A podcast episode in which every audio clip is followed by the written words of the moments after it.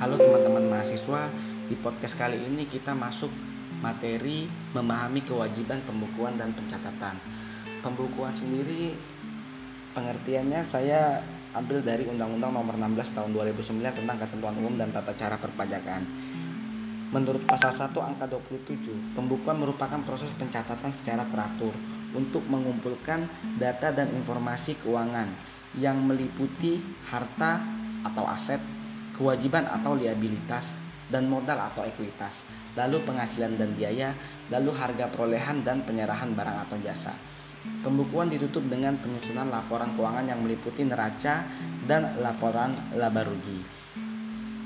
Jadi boleh kita menggunakan pembukuan atau pencatatan. Yang mana saja sih wajib pajak yang boleh pembukuan dan wajib pajak yang boleh melakukan pencatatan sebagai pengganti pembukuan. Nah, menurut pasal 28 ayat 1 dan 2, wajib pajak yang melaksanakan pembukuan meliputi wajib pajak orang pribadi yang melakukan kegiatan usaha atau pekerjaan bebas dan wajib pajak badan.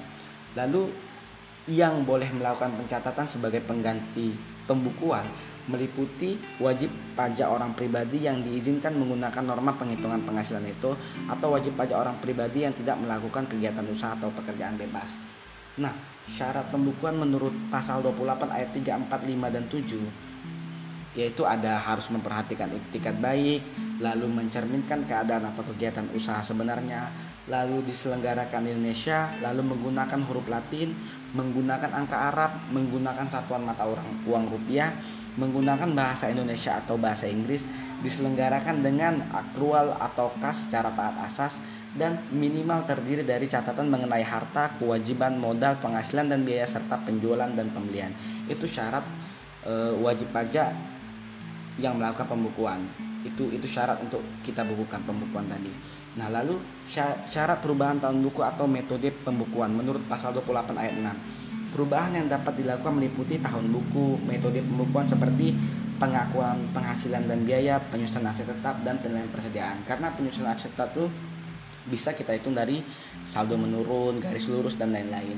Syarat yang harus dipenuhi memperoleh persetujuan Dirjen Pajak Direktorat Jenderal Pajak dan diajukan sebelum dimulai tahun buku dengan disertai alasan. Jadi contohnya misalnya tahun 2020 ini, tahun 2020 maaf, tahun 2021 kita harus kita mau melaksanakan pembukuan e, perubahan tahun buku atau kita boleh me, merubah penyusunan aset tetap yang dulu garis lurus kita rubah menjadi saldo, saldo menurun kita ajukannya di tahun 2020 ini untuk tahun buku 2021 seperti itu contohnya. Lalu pembukuan dalam bahasa mata uang asing. Menurut pasal 28 ayat 8 dan PMK nomor 24 garing PMK 03 garing 2012. Nah untuk WPWP berikut memerlukan izin Menteri Keuangan apabila dilakukan oleh WP berikut. Jadi WPWP yang saya sebutkan ini e, harus memerlukan izin Menteri Keuangan apabila membukukan atau membuat laporan keuangan itu dalam mata uang asing. Apa saja itu? Yang pertama, wajib pajak dalam rangka penanaman modal asing. Lalu BUT, bentuk usaha tetap. Baru WP terdaftar di bursa, bursa efek luar negeri. Lalu KIK yang menerbitkan reksadana berdenominasi dolar Amerika Serikat dan WP yang berafiliasi dengan perusahaan induk di luar negeri. Lalu setelah itu memberitahukan secara tertulis kepada KPP kantor pelayanan pajak setempat apabila dilakukan oleh WP dalam rangka kontrak karya dan WP kontraktor kontrak kerjasama. Jadi eh, ini syarat-syarat yang diajukan atau eh, WP-WP berikut ini memerlukan izin Kementerian Keuangan apabila kita membuat laporan keuangan itu dalam mata uang asing. Lalu kita lanjut. Nah pencatatan. Tadi setelah kita pelajari tentang pembukuan sekarang kita masuk pencatatan. Jadi nggak usah bingung teman-teman di sini. Apalagi akuntansi pembuku itu sama kayak sama kayak kita buat jurnal kita buat eh, laporan keuangan sama seperti itu pembukuan. Seperti halnya pada umumnya yang kita pelajari di akuntansi. Nah tapi kan ada usaha-usaha yang memerlukan pencatatan. Contohnya misalnya kayak di ya UMKM UMKM itu kan kita cuma nulisnya itu cuma di buku-buku catatan khusus gitu aja kan. Jadi pencatatan ini menurut pasal 28 ayat 9 PMK nomor 197 garing PMK 03 garing 2007 pencatatan merupakan pengumpulan data secara teratur tentang peredaran atau penerimaan bruto usaha. Contohnya hari ini misalnya ada beli bakso 10.000 nah kan catatannya di buku buku sile-sile mereka sendiri kan seperti itu biasanya. Baru penghasilan bruto dari luar usaha misalnya ada pendapatan e, cabang atau baksonya itu ada beberapa gerobak nah itu penghasilan bruto dari usaha baru penghasilan bukan objek pajak penghasilan dikenai PPh final dan harta dan kewajiban pencatatan dipergunakan sebagai dasar penentuan jumlah pajak terutang tapi dalam hal kali ini ada namanya peraturan pemerintah nomor 23 tahun 2018 teman-teman di sini nggak asing dengan e, pajak itu pajak final 0,5 persen. Nah itu biasanya rata-rata menggunakan pencatatan. Jadi misalnya kita terima satu bulan ini 200 juta gitu, 200 juta dikali 0,5 persen segitulah pajak yang harus kita bayar. Seperti itulah fleksibelnya peraturan pemerintah yang dibuat untuk memudahkan wajib pajak dalam membayar pajak dan melaporkannya. Baru ada syarat juga yang harus diperhatikan dalam pencatatan.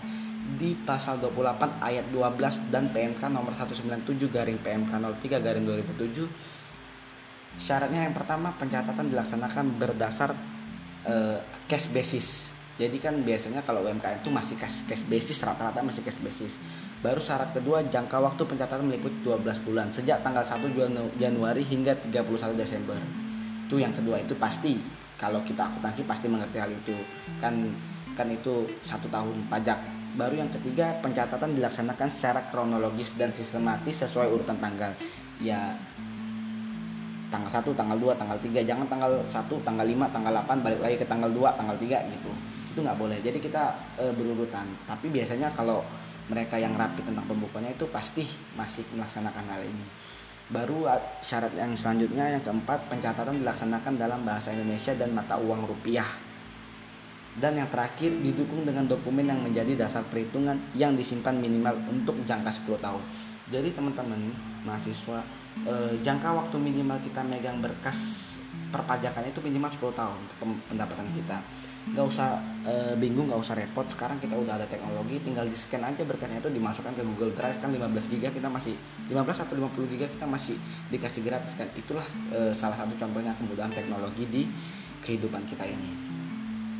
Penyimpanan buku, catatan, dan dokumen. Menurut pasal 28 ayat 11, penyimpanan selama 10 tahun di Indonesia wajib dilakukan atas dasar pembukuan, meliputi buku, catatan, dokumen, hasil pengolahan data, pembukuan yang dikelola secara elektronik atau online. Penyimpanan wajib dilakukan oleh WPOP di tempat kegiatan usaha atau tempat tinggal. Wajib pajak badan di tempat kedudukan. Jadi yang seperti saya bilang tadi penyimpanan itu minimal dilakukan 10 tahun. Kenapa karena ada kemungkinan terjadi pemeriksaan pajak di 10 tahun belakangan jadi sekarang tahun 2020 kita harus masih megang berkas di tahun 2010 Pak gimana kalau misalnya usahanya itu baru mulai tahun 2015 ya nggak perlu kan usaha itu baru dimulai tahun 2015 ya dari 2015 sampai 2020 harus kita pegang. Tapi sekarang eh, di Direktorat Jenderal Pajak kan ada DJP online itu udah udah semuanya serba elektronik artinya apa yang kita laporkan melalui aplikasi elektronik itu kita harus pegang referensi dan datanya. Kenapa? Karena itu untuk memudahkan kita juga dan memudahkan pihak-pihak lain yang berkepentingan juga. Jadi itulah yang bisa saya sampaikan di materi memahami kewajiban pembukuan dan pencatatan. Untuk teman-teman mahasiswa dipelajari nanti jika ada pertanyaan-pertanyaan kita sambung di perkuliahan kita tolong ditanyakan. Terima kasih